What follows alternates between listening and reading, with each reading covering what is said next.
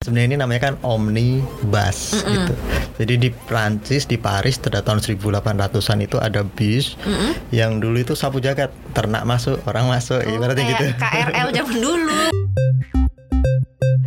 Salah satu pekerja di SCBD katanya gitu Hmm. merasa bahwa kita tuh seharusnya tidak mengurusi si undang-undang cipta kerja ini karena ini urusan buruh. Siapa saja kah buruh itu? Nah, ada ngaku nih ada satu buruh buruh ya, Mas Sofan Iya, buruh, buruh. Mas Argun buruh. Dan kita buruh yang pernah di PHK. Jadi pernah merasakan ya. Koneksi Konten Ekonomi Seksi Halo Sobat Cuan. Halo, halo. Halo Mas Argun, Mas Novan, Sobat Cuan ketemu lagi sama Alin ya. Dan kita bertiga juga di koreksi konten ekonomi seksi. Ada Mas Argun, Lead of Research dari CNBC Indonesia. Ada Mas Novan, Lead of Peliputan, Lead of Coverage kalau di bahasa Inggrisin dengan baik dan benar gitu ya. Dari CNBC Indonesia juga. Nah ini kita mau membahas konten ekonomi seksi. Sebenarnya ini ekonomi atau enggak sih? Tapi ini adalah perbincangan yang lagi hangat-hangatnya tentang Omnibus Law atau Undang-Undang Cipta Kerja yang secepat kilat katanya disahkan dari rancangan undang-undang langsung jadi undang-undang. Terus eh, katanya pengesahannya juga apa sih ibaratnya kayak eh, diakal-akalin gitu. Tadinya rencananya tanggal 8 katanya, ternyata tanggal 5 udah langsung gitu kan. Banyak yang kayak gitu Tahu-tahu deh. menterinya udah di sana kemarin itu gitu. Hmm? Jadi iya kemarin tuh tiba-tiba kan eh, katanya tanggal 8. Mm-mm. Tiba-tiba jam jam berapa gitu jam 12 langsung dapat undangan Informasi. Untuk bahwa akan disahkan sore ini. Mm-mm, Langsung kita kan liputan ya. Mm-mm. Iya. Kita konfirmasi ini beneran nih kok tiba-tiba nggak ada apa Mendadak tiba-tiba sekali gitu mendadak ya. gitu, kan. Iya mungkin tidak mau berbentrokan Iya. dengan yang di luar kan. Jadi oh yang yang yang, di luar kan gitu ya. agendanya udah keluar, mogok tanggal 6 segala macam. Nah, ini oh mereka tanggal 6. Ya udah berarti kita tanggal ngegocek gitu jadi digocek begitu ya apa pun alasan dibalik itu ya eh, sobat cuan ya gitu kita di sini mau membahas tentang isinya atau eh, substansinya dari si omnibus law ini atau undang-undang cipta kerja. Ada yang bilang singkatannya undang-undang cilaka katanya. Apakah beneran cilaka? Kita tanya nih sama Mas Argun. Kan omnibus law kalau misalnya film tuh omnibus movie gitu ya itu ada film Iya. satu film tapi ceritanya banyak gitu. Kalau omnibus movie yang gue tahu gitu kan. Terus eh, omni tuh kayak menyeluruh banyak gitu bahasa latinnya ya nggak Yes. sih nah kalau omnibus law tuh apa sih sebenarnya nih Mas Argun Oke, kalau diterjemahkan di bahasa Indonesia ya paling gampang itu aturan sapu jagat. gitu. Karena kita tidak punya bis seperti di Paris pada tahun 1800. Jadi sebenarnya ini namanya kan omnibus gitu. Jadi di Prancis di Paris pada tahun 1800-an itu ada bis yang dulu itu sapu jagat, ternak masuk, orang masuk, Oh, ibaratnya gitu. KRL zaman dulu Kalau kita taunya ini kereta sapu jagat. Nah, iya Oh, kereta sapu jagat. Zaman dulu ya. oh, bukan zaman dulu. Ya dulu kan dulu kalau misalnya Kereta ekonomi itu ya. zaman lu kuliah lah ya Mas. Ya, jadi itu yang bikin konsep bis itu pertama kali ya kita cerita dikit ya agak-agak ini agak ke sono ke Prancis orangnya namanya Stanislas Baudry. Dia bikin uh, dia punya pabrik tepung dan dia pakai apa namanya uh, penggerak dieselnya tuh pakai bahan bakar uh, uap batu bara.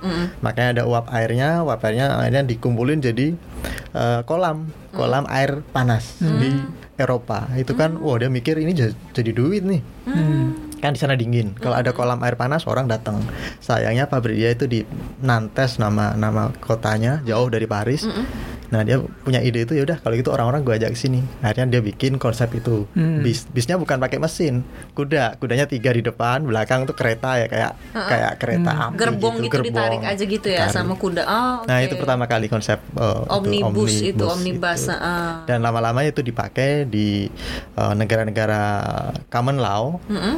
Uh, jadi di, di di di dunia ini ada dua jenis negara itu. Kalau kita ngomongin soal cara membentuk undang-undang. Oke. Common law sama civil law. Indonesia di mana kita di civil law. Kita Mm. ikut Belanda. Itu gimana perbedaan sih? Yang mana common law itu kayak gimana, civil law tuh kayak gimana tuh Mas Argun? Ya, kalau intinya gini, kalau di common law itu kayak sekarang jadi eh, apa namanya pencetus dan ya yang masih menjalankannya Inggris itu kalau mau bikin aturan perundang-undangan itu orang-orangnya orang-orang yang terpilih. Jadi orang-orang yang ngerti hukum itu dan lingkungan atau sektor yang akan diatur, dilibatkan hanya itu aja. Hmm. Jadi kalau kita sering lihat film-film Inggris itu kan kalau ngomongin peradilan itu kan orangnya pakai yang rambut-rambut roll gitu, itu kan. iya, iya.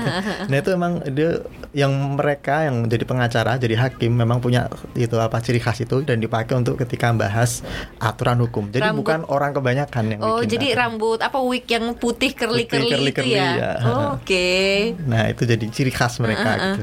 Ibaratnya kayak kaum khusus yang bahas soal peraturan perundang-undangan. Yang memang ngerti gitu ya ngerti banget soal itu. gitu Jadi ya. makanya jarang sekali di Inggris tuh ada undang-undang yang berbentrokan gitu. Hmm. Karena memang ketika bikin aturan, yang bikin aturan ini juga ngerti. Oh di sektor lain udah ada yang ngatur nih. Nah gimana penyelesaiannya biar nggak bentrok. Hmm. Oke. Nah kalau di civil law ini aturannya yang di Belanda, aturan hukum tuh dibikin oleh lembaga legislatif yang orang-orangnya belum tentu latar belakangnya hukum. hukum. Ya ada yang jadi artis tiba-tiba jadi anggota DPR Iya ya kan. betul, adanya anak siapa gitu ya. undang-undang. Mm, mm. Ya, fi- Oke. itu Makanya yang kemudian orang-orang yang di DPR itu disebut legislatif karena mereka mengeluarkan legislasi kan. Padahal Legislasi. background mereka dari berbagai bukan iya bukan ahli-ahli hukum. hukum gitu ya. Aha. Ini juga mungkin yang jadi masalah gitu. Kalau anak hukum kan memang biasa baca ya, meneli- teliti gitu bacanya gitu. Oh ternyata ini udah ada gitu. Jadi tidak tumpang tindih atau oh ternyata ini nih bisa miss di sini gitu kan. Kalau anak hukum kan kayak gitu ya harus jeli gitu. Ya ini gitu biasa baca skenario. ya kan jadi Ya. anggota dewan. Eh, ya iya aja kali tuh bikin peraturannya gitu. Tadi kita udah tuh udah tahu ya sobat cuan ya omnibus tuh asal katanya dari apa. Konsepnya udah tahu ya sobat cuan ya bahwa ini adalah kalau kata Mas Argun tadi undang-undang sapu jagat gitu. Jadi ibaratnya kayak obat yang bisa menyembuhkan banyak penyakit. Diharapkan seperti itu gitu ya Mas Argun ya. Nah, ini kan banyak yang apa di sosial media nih dari kemarin sampai sekarang itu banyak banget yang apa memposting tentang apa-apa saja katanya gitu yang jadi kerugian omnibus law untuk para buruh Ini yang klaster tenaga kerja ya. Ah, ah, yang ketenaga kerjaan ya, yang cipta kerja nih ya kita fokus ke situ karena ini yang paling disoroti nih kayaknya gitu yang lagi rame. yang lagi rame Yang gitu lagi panas. Ah, ah, nah juga ada ini sih, ada kalau sobat cuan mungkin yang suka scrolling Instagram atau Twitter ya, ada meme tentang salah satu pekerja di SCBD katanya gitu merasa bahwa kita tuh seharusnya tidak mengurusi si undang-undang cipta kerja ini karena ini urusan buruh. nah mungkin ini kalau ya sobat cuan yang belum pernah masuk ke dunia kerja gitu ya, di awang-awang gitu masih saya Iya. mahasiswa gitu ya, belum tahu nih buruh tuh ada jenisnya banyak gitu Mas Argun mungkin boleh kita buka dari situ dulu gitu ya. Siapa Saya saja kah buruh itu? Nah, ada yang aku nih ada satu buruh buruh nih. ya. Mas Sofan buruh, Mas Argun buruh. Dan kita buruh yang pernah di PHK. Jadi pernah merasakan ya dua ini Ber- ber- berpengalaman sekali berarti. Jadi buruh itu adalah Kalau gue bilang secara definisi ya selama kita bekerja kepada Orang lain ya? lain, kemudian kita menerima upah dari hasil Yes. pekerjaan kita segala macam ya, iya kita memang notabene buruh, tidak peduli level manajerialnya seperti apa gitu, selama kita berpenghasilan melakukan pekerjaan untuk orang lain dan kita dibayar dengan entah profesional segala macam se- secara profesional itu itu masuk mau kategori dia levelnya manajer, mau levelnya Direktur apalah, ya, direktur segala macam ya. As long as itu perusahaan bukan punya lo atau punya keluarga lo atau punya bapak lo atau bukan punya emak lo gitu ya dan lo bekerja di situ berarti lo buruh gitu sobat Ya. cuan gitu. Nah. Karena kan memang eh, buruh tuh ada ini ya kalau so- istilah bahasa Inggris ada yang white collar am- sama ada yang blue collar. Jadi ada yang buruh yang memang seperti pada bayangan sobat cuan gitu ya eh, atau kita orang awam lainnya buruh yang memang mengerjak eh, mengerjakan pekerjaannya menggunakan otot Ya, Eh, eh, dalam atau pekerja kasar. ya dulu. Ya, intinya ini kalau Anda tidak mem- mempekerjakan orang Iya. dan Anda sedang bekerja Mm-mm. ke orang lain, itu ada buruh. Mm-mm. Jadi meskipun si mas-mas di ACBD tadi manajer ataupun direktur, selama dia dapat gaji, ya dia Iya. itu buruh. Dia mendapat perlindungan dari uh, pemerintah atau negara lewat ya ini kalau dulu undang-undang tenaga kerja nomor 13 kalau sekarang ya yang undang-undang omnibus law cipta cipta kerja, Kerja. ini Tra- meskipun dia trader dia kan in- iniin duit orang gitu ya duit orang di, di kerja di manajemen investasi gitu kan Iya. segala macam ya Mm-mm. tetap aja tetap sih buruh jadi ya mohon maaf kita semua ini buruh gitu. gitu. Nah ini nih nih gue baru dapet nih kalau yang blue collar workers Hmm. itu ternyata yang buruh itu yang kerja apa lapangan gitu, Hmm. yang mengerjakan pekerjaan ini dengan uh, otot gitu. Kalau yang white collar itu yang kayak kita white collar uh, workers, Hmm. jadi yang kerah putih gitu, kerahnya nggak kotor lah, ngerjanya nggak keringetan banget gitu kalau kerja, gitu ya sobat cuan. Jadi itulah definisi buruh. Berarti kita semua yang sudah bekerja gitu ya, yang mendapatkan penghasilan per bulan dibayar sama orang lain gitu ya itu adalah buruh dan kita semua relate berarti sama Yeah. undang-undang Hmm. cipta kerja ini yang masuk ke dalam undang-undang omnibus law ini gitu ya Mas Argun ya kalau dilihat gitu Mas Argun udah baca belum sih kayak draftnya gitu Iya. gue ada sih dikirimin gitu tapi gue baru kayak se se- seribu sekelebat aja ada seribu dua delapan halaman kalau nggak salah ya dari Ah. total itu segala macam udah di ini lagi di, Di- kepras lagi direvisi di lagi ya. 905 halaman hmm, Jadi gitu ada 15 bab, 17 berapa tadi itu banyak sekali ini, uh, bab-babnya dan 17 pasal. Nah, yang bab tenaga kerja itu hanya satu doang. Mm-mm. tapi ini yang paling digaungkan gitu ya, Ya. Heeh.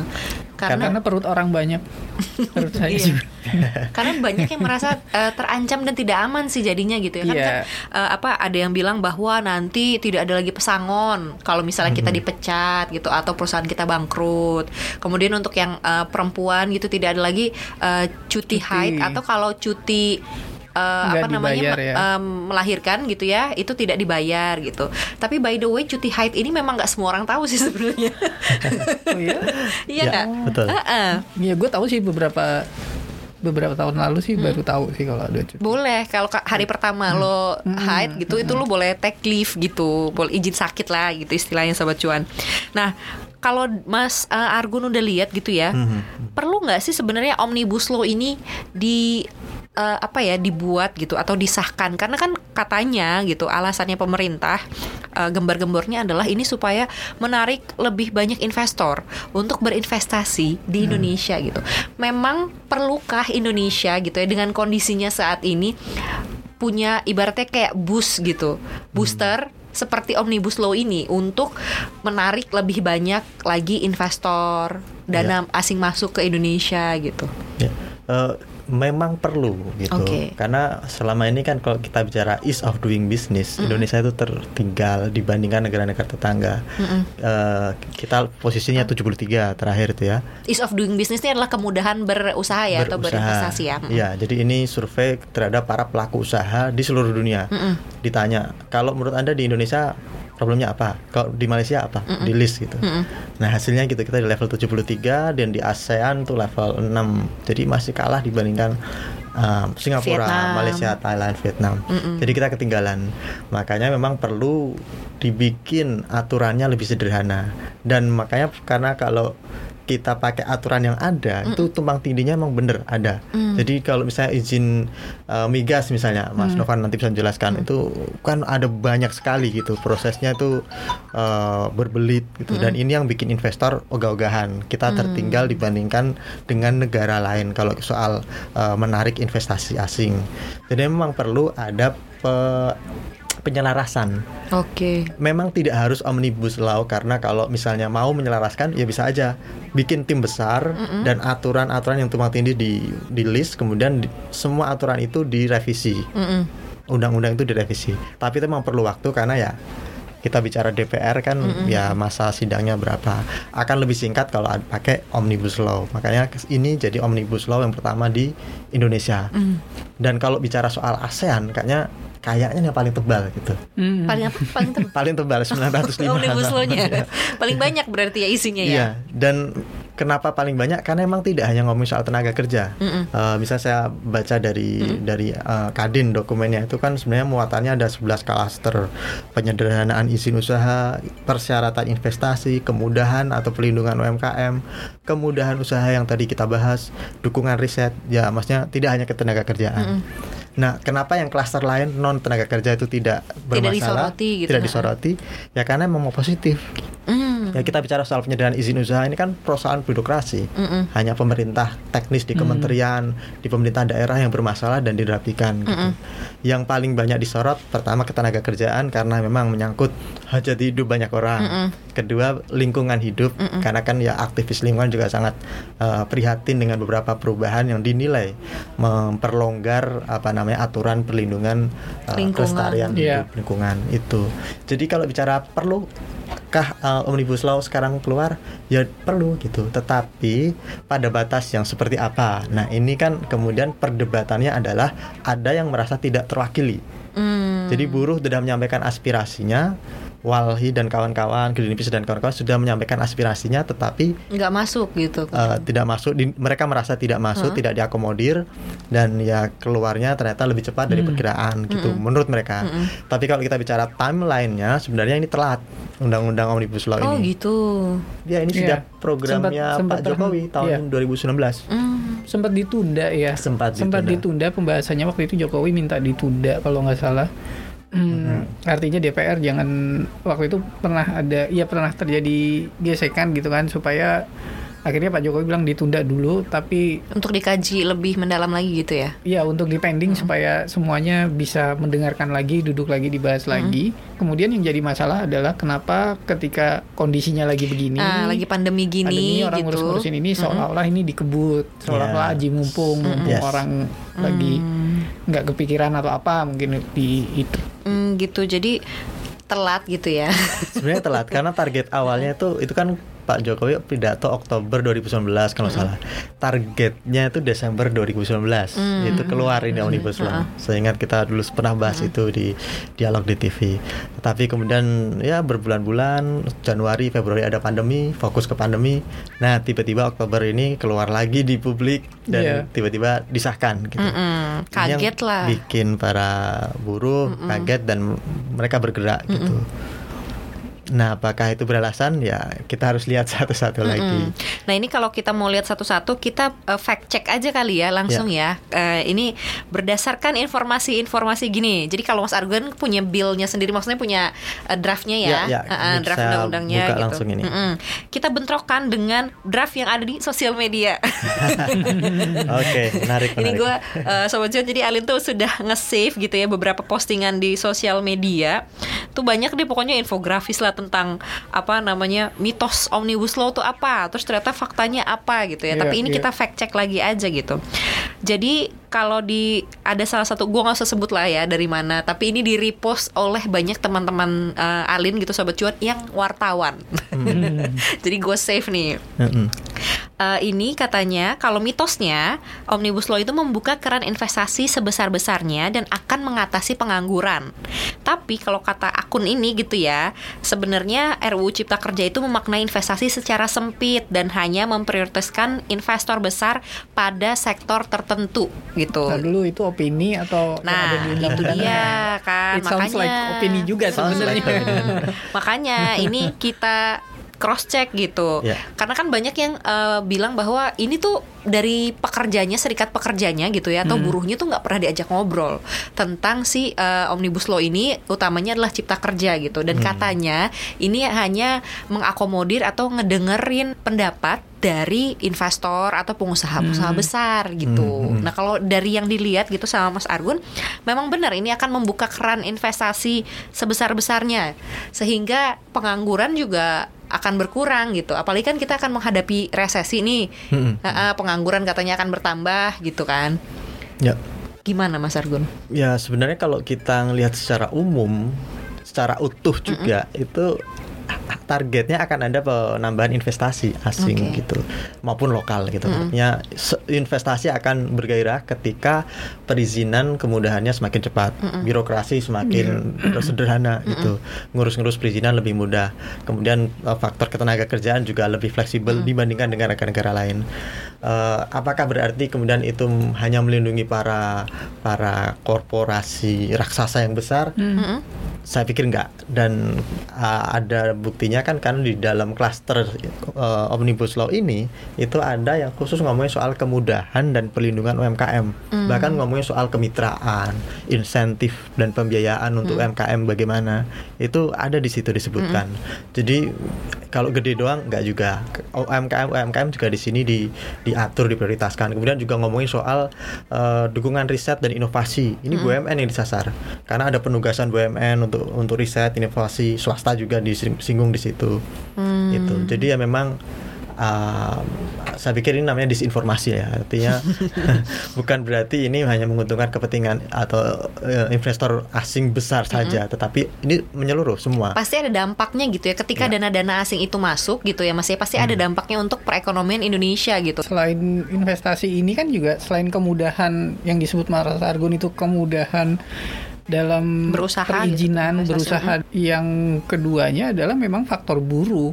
Artinya kalau kita melihat sebenarnya kalau kita lihat di Indonesia kayak misalnya di di antara negara-negara ASEAN gitu kan daya saing tenaga kerja di Indonesia ini juga terbilang ya nggak terlalu bagus Mm, gitu Udahlah tidak terlalu produktif, satu sering tidak demo, kurang- iya, tuntutannya tidak banyak. produktif sedikit sedikit memang ya memang akhirnya meninggal pekerjaan dan dan dan itu memang salah satu kendala perhitungan investor, Investor untuk masuk enggan gitu ya. kan.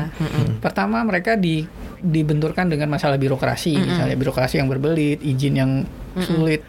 Kemudian mereka harus berhadapan dengan buruh gitu kan. Sediain lapangan pekerjaan tapi justru mungkin pengusahanya yang kemudian eh, lebih tunduk gitu kan. Makanya kemarin gue juga berpikir sebenarnya kenapa kita harus men membenturkan antara buruh dan pengusaha. Kenapa mereka tidak dijadikan satu visi bahwa ya kalau perusahaannya maju, buruhnya juga harusnya ikut merasakan maju gitu. Dan pemerintah menjadi jembatan di sini kan harusnya. Mm. Bukan yang satu merasa lebih tinggi dan harus diperhatikan satu dengan yang lain gitu. Karena yang satu pegang capital, karena yang satu pegang gue pekerjanya gitu. Percuma gitu kan. Ini nggak bakalan ketemu nih kalau begini gitu kan. Nah, maksud maksud gue juga mungkin kita perlu melihat bahwa ada tujuan lain dari undang-undang ini untuk membuat uh, level tenaga kerja kita tuh lebih baik gitu, lebih naik. Daya Memang- saingnya lebih bagus Iya, gitu ya. dan ah, memang sih orang kalau misalnya dengan terjadi perubahan peraturan gitu tuh memang agak-agak Shock dulu lah kayaknya. iya benar. Heeh. Shock apa nih yang berubah dicari Heeh. apa yang tidak menguntungkan buat gua gitu. Jadi cemas gitu ya kayak ini beneran menguntungkan atau malah atau malah merugikan gua hanya merugikan eh, ini ke gitu kan. depannya Tidak- gitu. Iya. tidak tidak melihat dari kacamata besarnya bahwa ayo kita berubah aturannya karena memang kita juga harus naik kelas gitu. Artinya naik kelas adalah buruhnya buruh Indonesia gua gitu kan kita semua di sini. Pekerja tuh perlu na- naik kelas menyesuaikan karena memang pasar tenaga kerja di di Asia global ya. itu luar biasa gitu. Orang larinya ke Vietnam. Mm-mm. ya kan? Yang boleh dibilang bukan bukan murah. Murah itu kan kalau misalnya mereka dibayar mahal tapi mereka F, apa namanya efektivitasnya tinggi, Produktif, tinggi produktivitasnya produktivitasnya tinggi gitu dan nggak neko-neko juga. Ini ya investor happy Mm-mm. gitu Dan gue mau cerita sih, jadi kan kayak ketika gue masih liputan di lapangan gitu ya beberapa kali eh, liputan May Day 1 Mei gitu. Kalau ngebacain tuntutan buruh-buruh tuh ya, tuh agak-agak kok saya kepengen gitu. Jadi Iya. adalah yang minta tunjangan minyak wangi, gue pernah baca. Mm-mm. adalah yang minta tunjangan untuk beli motor. Hmm, demonya naik motor yang mahal Bu. Ah, ah, dan Gua itu aja lebih nggak lebih dari. PNS gitu. Jadi gue bertanya-tanya kayaknya PNS pun nggak punya tunjangan minyak wangi kayaknya gitu ya. Iya. ya anyway gitu. Itu itu yang yang terjadi. Sharing aja sih gitu. Itu yang gue alami ketika eh, liputan demo buruh dan mungkin ini jadinya membuat apa sih tidak stabil gitu ya kondisi Indo politik juga gitu ke- setiap satu Mei Iya. hal itu terjadi terjadi terus gitu problem buruh di dunia ketiga itu ya mereka akhirnya cenderung bergerak secara politis karena memang belum ada jaminan untuk mereka. Sekarang kita bicara Amerika deh. Amerika ini kan paling kapitalis, tapi kenapa buruhnya kok nggak pada sering demo gitu misalnya? karena memang jaminan sosialnya berjalan gitu. Hmm. Di sana kalau uh, Anda dipecat di sana gitu ada jaminan tunjangan pengangguran. Mm-mm. Itu ngambil. Tapi ya itu orang kalau ngambil itu tuh malunya minta ampun gitu. Oh, oke. Ya karena mental mereka itu saya ingin bekerja, saya nggak mau cuma dapat duit yang hanya seberapa, tak seberapa ini gitu. Hmm. Itu. Jadi ya kalau nganggur dijamin pemerintah, jamin negara, tapi ya kemudian pasar tenaga kerjanya fleksibel. Misalkan tadi, misalnya kenapa ada tuntutan minyak wangi, mungkin nggak nggak bisa beli, kurang bisa beli gitu kalau dikurangi kebutuhan hidup uh, dasarnya. Di Amerika memang nggak bisa beli, ya bisa jadi problemnya sama, gajinya mungkin nggak sebesar yang kita perkirakan, artinya so-so lah di Amerika dan di Indonesia. Tetapi mereka bisa kerja, itu kan hitungannya jam kalau di Amerika, bisa kerja dua atau tiga shift dalam Hmm, sehari oke, untuk menambah iya. pe- pe- pendapatan. Kalau di Indonesia kan Enggak. nggak bisa. Waktu habis di perusahaan, perusahaan itu aja. itu, dan kerja, pabrik itu aja. kerjanya mungkin juga ya ya biasa-biasa aja. Itu ah. tadi misalnya kalau kita ngomongin buruh ya kadang produktivitasnya kalah dibandingkan Vietnam. Tapi ya itu dia merasa sudah eh, apa nyaman di situ meskipun kurang produktif. Tapi sementara kalau di Amerika di sana kan ya itu individu tuh dipaksa untuk produktif se seproduktif mungkin gitu. Jadi kalau misalnya nggak kompetitif ya Kalah saing. kalah gitu ya. saing di PHK memang tanpa pesangon tapi dapat tunjangan dan itu malu gitu di sana. Oh, oke. Kalau di sini gitu. Apakah ada kan belum ada. Jadi buruh berjuang secara politis kalau perlu untuk me- menjaga apa kepentingan mereka ini apa namanya nasib Oh, I mereka. Itu ya. Iya. Nah, terus ada lagi yang soal ini katanya nanti tidak akan ada pesangon lagi. Terus kayak yang eh, akan sistemnya kayak di Amerika gitu. Kita dibayar per jam, tidak ada pesangon kalau misalnya ada pemecatan gitu atau kalau perusahaannya gulung tikar. Kemudian ini terkait banyak terkait tentang upah sih sebenarnya ya Iya. yang dikritisi ya. Kalau misalnya cuti hamil gitu, itu tidak lagi dibayar gaji full Hmm. itu apakah itu beneran ada di undang-undang cipta kerja Oke.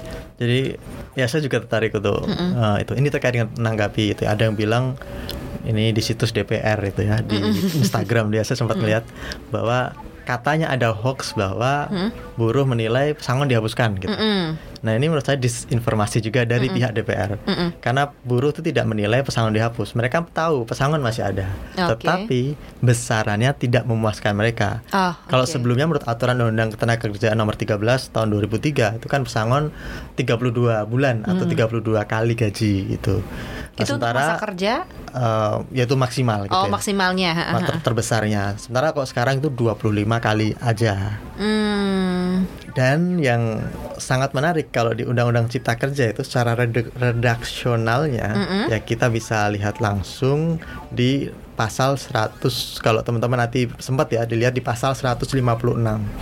Pesangonnya ada disebutkan, tetapi ada kata diberikan paling banyak oke sesuai ada ketentuan maksimumnya berarti maksimum. oke Sementara biasanya kalau urusan pesangon itu minimum.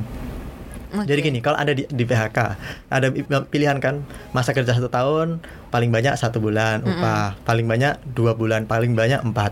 Kalau perusahaan merasa saya nggak bisa, saya hanya bisa membeli memberikan satu kali upah gitu, dia melanggar peraturan nggak? Enggak. Enggak. Hmm. Karena itu paling banyak yang diatur. kurang dari itu pun tidak akan melanggar peraturan Tidak kan melanggar berarti? peraturan. Oke. Jadi ini mungkin yang bikin buruh khawatir ya gemes gitu khawatir karena ya itu kalau kena kena PHK cuma dapat satu kali gaji Mm-mm. sudah itu bisa tanpa dia berhak untuk menggugat gitu. Mm. ini beda sekali dengan luxury yang didapatkan sebelumnya 32 bisa gitu ya Ah, ah, ah. nah itu makanya mereka bergerak Eh, kalau soal cuti hamil Mm-mm. itu memang tidak ada di draft undang-undang tenaga kerja Iya. eh, cipta kerja Aku juga nggak nggak lihat dicari nggak ada Mm-mm. Nggak ada Tapi- spesifik yang menyebut. sama sekali nggak ada yang ada tuh hanya cuti tahunan 12 hari Mm-mm. Tetapi apakah berarti cuti hamil dan cuti haid itu nggak ada? Belum tentu. Belum tentu. karena bisa saja itu pakainya undang-undang yang lama gitu ya yang tidak Bukan. masuk bukan Karena nanti ada ketentuan di situ ada Aturan. diatur dalam pemerintah ya. Peraturan pemerintah. Ah, Ada oke. aturan turunannya. aturan turunannya. Dan makanya ketika pemerintah saya lupa Pak Jokowi kalau nggak salah yang menjanjikan bahwa cuti hamil masih ada cuti yaitu masih di, di- dijamin pemerintah ya kita tunggu apakah itu nanti diatur di peraturan pemerintah atau turunannya tadi atau enggak gitu Bahkan Oh, pernah oke. dengar katanya cuti hamil pun eh cuti hamil, so- cuti melahirkan juga akan berlaku untuk bapak. oh Artinya misalnya ibunya tiga bulan gitu ya, Mm-mm. mungkin bapak satu bulan untuk mendampingi ibu setelah melahirkan gitu atau paling tidak diawali misalnya dari dua minggu dapat cuti biasanya kan kalau bapak paling Dua Dua hari. hari. tiga hari gitu Wadah ini banyak yang ini dong ntar planning melahirkan.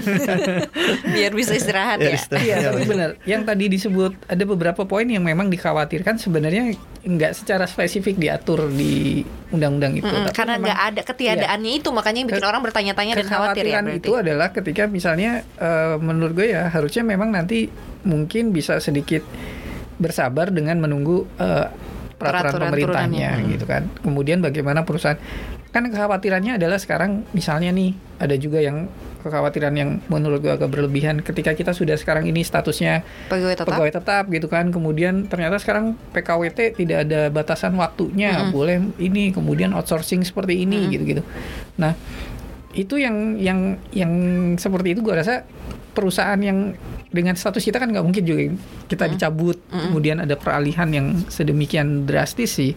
Kalau gue rasa dan juga kalau ngelihat dari aturan-aturan yang pekerja paruh waktu yang PKWT itu kalau nggak salah juga ada perlindungan-perlindungannya di situ. Hmm. Artinya mereka juga mendapatkan hak meskipun tidak ada batasan waktu pengangkatan gitu, tapi mereka ada hak-hak juga yang kalau nggak salah hampir hampir sama juga dengan pegawai-pegawai karyawan-karyawan tetapnya gitu. Jadi ada perlindungan hak di situ. Biasanya kan kalau misalnya lu PKWT gitu belum berhak dapat cuti misalnya hal sederhana. Karena belum pegawai tetap gitu kan masih pegawai kontrak masih pegawai ini. Tapi itu juga mungkin kayak sepertinya kalau yang gue lihat maksudnya di situ adalah nanti juga mendapatkan perlindungan yang yang setara gitu meskipun dia statusnya masih kontrak. kontrak gitu Dan- ya atau sudah tetap gitu ya. Iya. Jadi ya memang eh, kalau ada beberapa yang belum diatur kemungkinan di peraturan pemerintah. Makanya eh, kita harus memahami kan ketika buruh atau teman-teman di lapangan itu protes, mogok dan sebagainya, ya harapannya pemerintah mendengarkan aspirasi mereka nanti ketika nyusul perat- nyusun peraturan pemerintahnya gitu. Jadi ya memang di Ciptaker tidak ada. Mereka waspada. Dan dengan adanya gerakan mereka, gerakan sosial ini ya harapannya nanti di aturan PP-nya itu lebih jelas diatur. Iya. Memang ada beberapa ketentuan yang memberatkan pengusaha sih memang kalau kita bicara tenaga kerjaan. Ya tadi kita bicara yang pesangon 32 kali itu kan memang ya besar sekali. Apalagi kalau misalnya kondisi perusahaan lagi sulit ya gimana ya kan. Jadi memang faktor-faktor itu juga perlu dipertimbangkan. Apakah perlu sebesar itu atau jangan-jangan saya setuju dengan Mas Nova tadi. Kita perlu bikin apa namanya pasar tenaga kerja yang kompetitif gitu. Artinya kalau di PHK ya ya sudah, saya tidak bergantung pada uang pesangon, tapi saya akan bikin perusahaan sendiri. Hmm. Saya sudah mendapatkan bekalnya eh, modal kemampuannya dari perusahaan lama. Saya bikin yang baru, nyaingi, gulung tikar biar yang lama. Iya. Misalnya seperti itu. Jadi saingan juga gitu. aturan aturan untuk mem- membuat eh, perusahaan itu juga sudah dipermudah kan Mas Ya. Agun. Nanti men- mengeluarkan izin juga di omnibus law ini juga Dipermudah. mau bikin ya mau, mau bikin usaha apa juga kita kan jadi dipermudah juga kan. Benar juga setelah di PHK dapat ini jadi bisnismen gitu kan. Businessman. Ya, jadi semoga dengan adanya omnibus law ini ya harapannya secara umum akan jadi perubahan mentalitas eh, tenaga kerja kita gitu. Orang akan tidak hanya ya saya mau nyari kerja di mana ya, nyari kerja di mana ya. Kenapa kita nggak berpikir saya mau bikin kerja apa ya? Gitu. Saya mau bikin usaha apa ya? Gitu loh. Karena kan eh, eh, mungkin pikirannya oh pasti butuh butuh biaya dan modal besar. Belum tentu juga. Kita bicara soal digital startup sekarang lagi banyak berkembang dan juga eh, kur kemitraan dari pemerintah perbankan untuk ngasih bantuan modal dengan bunga lunak. Ini kan peluang yang bisa diambil. Tetapi kenapa tidak banyak yang menjemput bola? Jangan-jangan salah satu penyebabnya itu. Iklim tenaga kerja kita mungkin memang terlalu memanjakan dibandingkan dengan di negara-negara lain. Makanya investor malas kemudian ya Kitanya juga terbuai gitu. terbuai dan akhirnya pertumbuhan ekonomi kita nggak signifikan amat tertinggal gitu. Cina misalnya ketika relokasi perusahaan-perusahaannya ketika perang dagang milihnya Vietnam dibandingkan kita gitu dibandingkan Iya. Indonesia. Ya padahal kalau kita bicara resource apa sih resource-nya Vietnam kita lebih unggul. Kalau bicara tenaga kerja kita kan ada bonus demografi ya masyarakat muda yang bisa bekerja eh, terengginas gitu ibaratnya itu masih banyak juga. Tapi mereka milih Vietnam karena perizinannya lebih gampang pembebasan lahannya lebih mudah dan eh, tenaga kerjanya lebih fleksibel gitu di sana. Tapi mungkin juga yang ditakutkan ya kalau gue baca-baca di sosial media gitu ya dan ada di beberapa media yang mengkritisi ini juga gitu. Eh, ini nanti akan menciptakan eh, generasi kerja gitu atau angkatan kerja yang seperti robot yang hanya dipakai tenaganya. tenaganya Ya. gitu. Ya gini kalau kita bicara soal pekerjaan itu kan memang ada dua jenis pekerjaan jasa atau barang produk kita ya. Kita ini kan misalnya ibaratnya pekerja, kita bikin apa? Kalau saya bikin rokok, ya berarti saya bikin produksi barang. gitu. Hmm. Satu apa satu eh, butir, satu batang kayak gitu. Tapi kalau saya bikin misalnya sekarang di di saya bikin tulisan, ya itu jasa. Saya produk saya bukan barang tapi jasa. Apa? Jasa informasi, jasa eh, jurnalistik gitu. Ya ini sama-sama apa produk yang eh, sebenarnya ber- bisa kita upgrade gitu ya. Kalau kita hanya selama ini bisa bikin satu tulisan saja, kenapa tidak saya bikin dua tulisan dan lintas platform misalnya kayak gitu bisa di upgrade dan kalau selama ini tidak ada uh, tuntutan ke sana artinya udah sudah sudah keterima kerja di satu tempat kemudian saya posisinya sangat kuat posisi tawarnya. Artinya kalau saya di PHK wah saya bisa dapat 32 kali misalnya. Maka pengusaha pengusaha atau pemberi kerja itu mikir-mikir kalau mau PHK saya ya saya akan terbuai itu tadi gitu. Sama seperti sama seperti persis seperti yang bikin uh, rokok. Dia juga bisa terbuai misalnya satu batang per hari ibaratnya atau per menit taruhlah gitu. Ya sudah kalau digajinya sama yang penting saya bikin satu Ya, aja ngapain aja repot-repot kayak gitu. Tetapi ketika ada opsi atau posisi tawar yang relatif berimbang pengusaha bisa kalau lu kerjain cuma bisa bikin satu batang per menit ibarat gitu. Nggak bisa dua ya udahlah saya kerjain yang bisa dua kayak gitu. Hmm. sama seperti kok Arif cuma bisa bikin dua tulisan? Ada yang lebih bagus bisa bikin tiga tulisan untuk berbagai platform. Hmm. ya dia akan milih yang lain itu. Dan itu bikin uh, iklim bisnis jadi lebih dinamis lebih kuat gitu kompetitif gitu nah ya ini yang mungkin harus kita uh, lihat bersama-sama di pasar tenaga kerja sendiri Iya. gitu Hmm, gitu. Ada sih beberapa lagi ya yang masalah isu lingkungan. Katanya nanti tuh akan dengan mudah karena ease of doing businessnya semudah itu membuka usaha gitu ya. Maka akan semudah itu juga gitu. Kalau misalnya ntar ada pengusaha-pengusaha pengusaha-pengusaha yang mau memanfaatkan misalnya lahan hutan, kemudian juga eh, ya yang berhubungan dengan lingkungan gitu. Mm-mm. Akan begitu juga katanya Mas Arpun. Iya, eh, satu pasal yang saya lihat misalnya soal hutan lindung gitu. Kebetulan concern, concern saya adalah geothermal atau panas bumi yang energi terbarukan. Nah di Cipta Kerja memang ada bahwa hutan lindung itu bisa dipakai untuk geothermal. Oke. Indonesia ini kan masuk di wilayah cincin api, banyak gunung berapi. Eh, kalau mau bikin panas bumi, waduh tuh potensinya besar sekali gitu. Karena panas banget di bawah itu kan berapi dan Nggak usah di kawan-kawan. atasnya juga panas. Tetapi sayangnya yang kebanyakan panas itu adalah kawasan hutan lindung gitu. Hmm. Dan itu yang selama ini bikin geothermal kita nggak berkembang. Oke. Nah, Ya karena perizinannya tadi ya Mas. Perizinan. Tapi setahu setahu gue koreksi aja kalau salah ya. Ya. Setahu gue eh, geothermal itu tidak banyak membuka lahan di hutan lindung. Artinya dia nggak nggak seperti pertambangan gitu ya. oh yang ya. ngupas lahannya Sampai gundul pohonnya gitu. sampai benar-benar gundul gitu ya atau minyak juga mungkin seperti itu juga yang yang kemudian mapras hutannya agak-agak lebih ini tapi hutan lin- hutan apa namanya geothermal ini memang titiknya di mana itu mereka Itu sudah saja, ini. gitu. dan ya udah situ yang di jadi artinya sebagian besarnya pun masih bisa masih Iya, bisa hijau. alami gitu masih nggak nggak artinya bisa bisa side by side dan itu juga dalam tanda kutip buat alam juga karena uapnya itu kan juga keluar kadang Hmm. seperti itu gue pernah ke sana jadinya melihatnya sih sebenarnya sih fre- ramah lingkungan sih Iya. meskipun dia juga berada di eh, kawasan hutan, Hutan. lindung gitu ya Hmm, oke. Jadi Ya, contohnya itu. Tapi memang kemudian ada concern misalnya AMDAL. iya Mm-mm. Ya kan ada yang bilang di, di Walahi misalnya AMDAL sekarang udah kayak bukan faktor penting gitu. Sebenarnya Iya ad- ada ada ada ada sisi itu. Misalnya gini, kalau di aturan lama itu klausulnya adalah ketika perusahaan mengeluarkan limbah B3 gitu. Dan itu berbahaya dan ternyata terbukti me- ya pokoknya ada kasus di mana masyarakat teracuni oleh itu, ya maka dia harus bertanggung jawab. Tapi di klausul yang baru itu ada, dan itu di, di, di peraturan lama nggak ada ketentuan tanpa harus membukti, eh, dibuktikan itu nggak nggak perlu. Oh, oke. Itu di peraturan lama. Jadi dari ke- nggak ada pembuktian hukum soal kesalahan dia itu udah tanggung jawabnya ke perusahaan itu. Oh, oke. Karena ya limbahnya dari tempat kamu Mm, gitu. mm, mm. Tapi kalau di aturan baru ini Ciptaker tidak ada ketentuan itu. Jadi eh, ibaratnya ya sekarang kalau membuktikan bahwa limbah ini mencemari kampung saya, Mm-mm.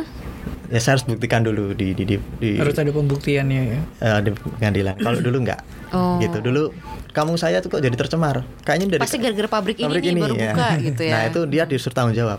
Terkait dengan eh, apa namanya pencemaran dan pembuktian ini jadi kayak mikirnya kalau gue jadi si orang kampung itu gitu jadi gue jadi susah loh untuk Iya. menggugat pengusaha ini gitu. Hmm, di, di satu sisi memang pengusaha ini akan jadi lebih gampang ibaratnya nggak bisa ada yang nyenggol dia sembarangan gitu. Kan nggak bisa kalau dulu kan kayak dituduh aja gitu ya mungkin gitu ya harus bertanggung jawab gitu. Kalau sekarang prosesnya panjang dan kalau kita pikir kan mungkin eh, ya masyarakat Indonesia gitu di pelosok Indonesia nggak semua terliterasi gitu Betul. dengan bagaimana menuntut perusahaan caranya bagaimana gitu. Mungkin itu ya yang di- dinilai kayak tidak berpihak kepada masyarakat kecil gitu Padahal jadi selama ini kalaupun aturannya sudah tertulis juga gitu juga masih banyak perusahaan-perusahaan yang kayak menang. begitu gitu. Heeh. yang menang juga. Ya kan? Dibawa ke pengadilan menang juga tuh perusahaan gitu Iya, kan. Maksudnya adalah ketika ditulis pun juga belum tentu jaminan juga Heeh, itu akan melindungi begitu. Al- melindungi kita dari limbah-limbah dan segala macam itu kan. Dan dan concern lainnya itu sekarang kan itu masyarakat tidak bisa menggugat dokumen AMDAL. Jadi sekarang dokumen AMDAL kan yang menerbitin pemerintah kan. Ya ada tenaga-tenaga ahli dari luar gitu yang dilibatkan. Dan kalau sudah terbit dan kemudian perusahaan tertentu dapat izin untuk beroperasi, masyarakat sudah nggak bisa lagi menggugat itu. gitu. oke. Sebelumnya masih bisa itu. Oke, Itu jadi berarti sudah fix mereka. gitu ya di awal. Padahal kan Ya, karena asumsinya pemerintah kan sudah memberi izin dan ketika udah memberi izin art- artinya udah ada pengecekan yang rigid gitu. Apakah Oke. benar-benar dipenuhi syarat-syarat eh, mengenai ya tuh dampaknya lingkungan kayak gimana gitu. Hmm. Berarti memang pintunya harus pemerintah. Pemerintah. Artinya memang harus kemudian sebenarnya PR-nya pemerintah Di- di meyakinkan pemerintah, kita. gitu. Pemerintah. Karena kalau sebelumnya itu banyak praktik ya ini mohon maaf ada oknum-oknum yang menyalahgunakan situasi itu untuk mengeruk keuntungan Mm-mm, gitu. keuntungan Jadi pribadi. ya dia gugat AMDAL oh, ya Iya. kan terus biar dapat uang setelah itu udah gitu. cuma untuk meras cuma untuk dapat uang tambahan gitu. kayak gitu dan itu yang banyak keluhan pengusaha seperti itu Hmm. dan kalau bicara amdal memang sih ada yang bilang amdal itu bisa di udahlah dikasih uang berapa antar amdal keluar. Mm-mm. ya itu kan oknum di dalam pemerintahan ya. Itu oknum. Artinya kalau kita bicara kejahatan atau pelanggaran ya oknumnya yang di, di, di- diatasi. Jangan kemudian itu yang disalahkan. Artinya amdal nggak perlu nggak. Amdal masih perlu meskipun ada ke- kelemahan-kelemahan. Ya tetapi ya sekarang ya itu pemerintah sudah mengambil kewenangan itu masyarakat tidak bisa lagi menggugat dalam rangka mengatasi itu Hmm. kemungkinan-kemungkinan penyalahgunaan mereka yang mencari keuntungan dari gugatan dokumen AMDAL. Hmm, gitu. Ya itu ya, memang tidak ada obat eh, yang untuk semua penyakit gitu ya. Iya. Eh, Mas Argun. ya. Aksesnya masih ada juga pasti. Dengan ciptaker ini mungkin orang akan ya masyarakat tidak bisa lagi gugat kalau ada apa-apa pengusaha terlalu kuat atau pihak perusahaan terlalu kuat.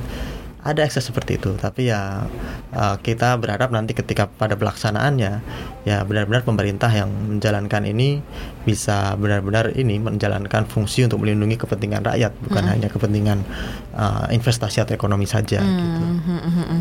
Karena sih kalau yang gue lihat nih secara psikologis gitu ya masyarakat tuh lagi nggak percaya percayanya, terus dikagetin lah dengan ini gitu ya. Jadi Iya. makin shock gitu. Padahal ya ya mungkin kita terlalu sering kecewa kali ya sobat cuan ya. Jadi curhat saya gitu. Ada lagi mungkin yang mau ditambahkan eh, Mas Tovan atau Mas Argun?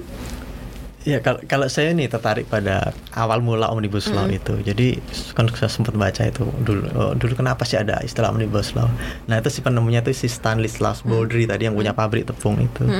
Itu setelah dia bikin bisnis eh, pengangkutan orang omnibus law omnibus law omnibus dia itu ke, eh, ke ke apa namanya pemandian air panasnya. Setelah itu dia bikin trayek di Paris gitu. Jadi dia bikin seratusan unit dan berjalan. Tapi terus habis itu musim dingin, orang-orang nggak mau keluar. Hmm. Kemudian pakan ternak pun jadi mahal, rugilah dia. Mm-mm. Terus dia udah nggak kuat eh, menanggung rugi, tekanan batin mungkin terus dia bunuh diri hanya tiga tahun setelah dia meluncurkan omnibus tadi. Bangkrut dia ya. Ironisnya setelah itu penerusnya itu kemudian melakukan merger dengan perusahaan lain sukses gitu. Hmm. Oke. Jadi dia menyerah lebih dulu, kemudian bunuh diri. Padahal kalau dia bertahan setahun dua tahun, dia akan menikmati uh, buah dari omnibus yang dia bikin itu. Hmm. Nah Berarti mungkin korelasinya di bikin. sini, Nah, korelasinya sabar di dulu sini. gitu ya. Ya oke, omnibus sekarang berjalan, mungkin tidak uh, ideal. Banyak ya kita di musim dingin saat ini musim pandemi. Iya.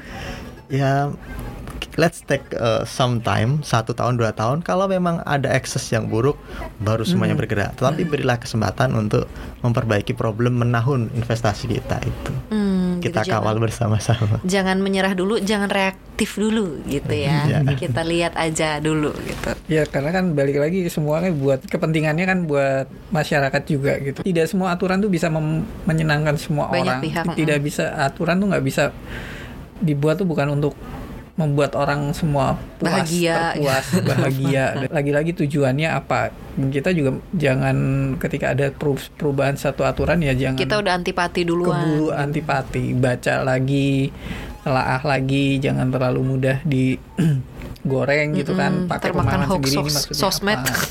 iya. Gitu kan karena uh, kebanyakan kalau misalnya mungkin kita sebagai buruh mikirnya oh investasi ya udah itu urusannya pemerintah. Tapi ternyata ada sisi bu dari buruh juga yang bisa menarik investasi gitu kan. Artinya ketika kita bisa berhasil naik kelas nanti sebagai buruh-buruh yang memang lebih lebih produktif gitu kan yang lebih ini kita yakin juga akan makin banyak uh, investor ke sini juga kan kita jadi Lapangan primadona pekerjaan juga Iya kan lebih banyak juga ya. akhirnya kita juga akan merasakan bagaimana pertumbuhan itu eh, buat kita sendiri gitu. Jangan sampai eh, sedikit-sedikit eh, Demo. demo, gitu. Maksudnya nggak apa-apa tidak setuju tapi salurkan dengan cara yang Yang baik, baik, gitu ya. kan dengan cara yang dengan cara Yang yang, elok gitu kalau jalurnya kata. iya. Eh, sehingga akhirnya kelihatan bahwa kita tuh sebagai buru-buru cerdas gitu. Nggak hanya digerakkan secara secara Politis. fisik secara politik gitu kan. Diajak kumpul-kumpul segala macam. Dan ini toh juga tidak membuah dalam tanda kutip tidak membuahkan hasil yang berbentuk juga gitu. Jadi lebih baik perjuangannya sih lebih lebih taktis gitu ya. Iya lebih taktis dan lebih Mhm. lebih pintar. Jadi kalau misalnya mungkin jadi, jadi orang wah buru-burunya Indonesia ini pintar-pintar nih nggak bisa dikadalin gitu. Iya.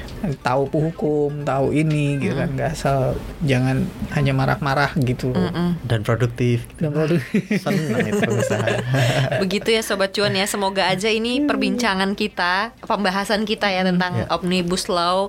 Tadi udah diceritain juga ternyata sejarahnya kayak gitu tuh dari Mas Argun gitu ya. Dan ya di ending tadi sebelum ending tadi Mas Argun juga sempat cerita bahwa bersabar aja sedikit kita lihat Ya. gitu apakah mekanisme baru ini omnibus law ini gitu memang memberikan manfaat kepada kita gitu. Jangan langsung dijudge aja, ditolak aja di awal gitu ya.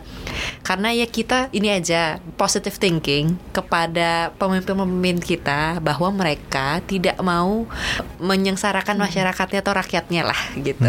Kita positive thinking itu aja dulu, kita jalanin dulu. Kalau kata anak muda zaman sekarang ya, Iya. kalau nanti nggak cocok ya udah. kita ganti namanya ya namanya.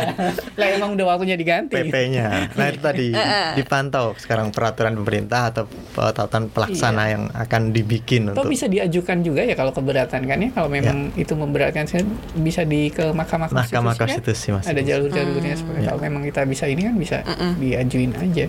Begitu ya sobat cuan ya. Hidup Semoga buruh. Ah, ah. hidup buruh. Kita semua buruh soalnya. Ini buruh yang pernah di eh dapat pesangon dari apa perusahaan yang gulung tikar. Kalau saya pernah dapat pesangon dari karena saya resign. gitu ya sobat cuan ya. Semoga sobat cuan sehat-sehat. Semoga tadi membuka juga informasi dan jendela pengetahuan sobat cuan gitu ya. Tetap sehat, apalagi ya tetap protokol kesehatan Betul, betul, tetap betul. diterapkan. Kita ketemu lagi di episode koneksi lainnya. Terima kasih sudah mendengarkan cuap-cuap cuan. Dadah. Bye.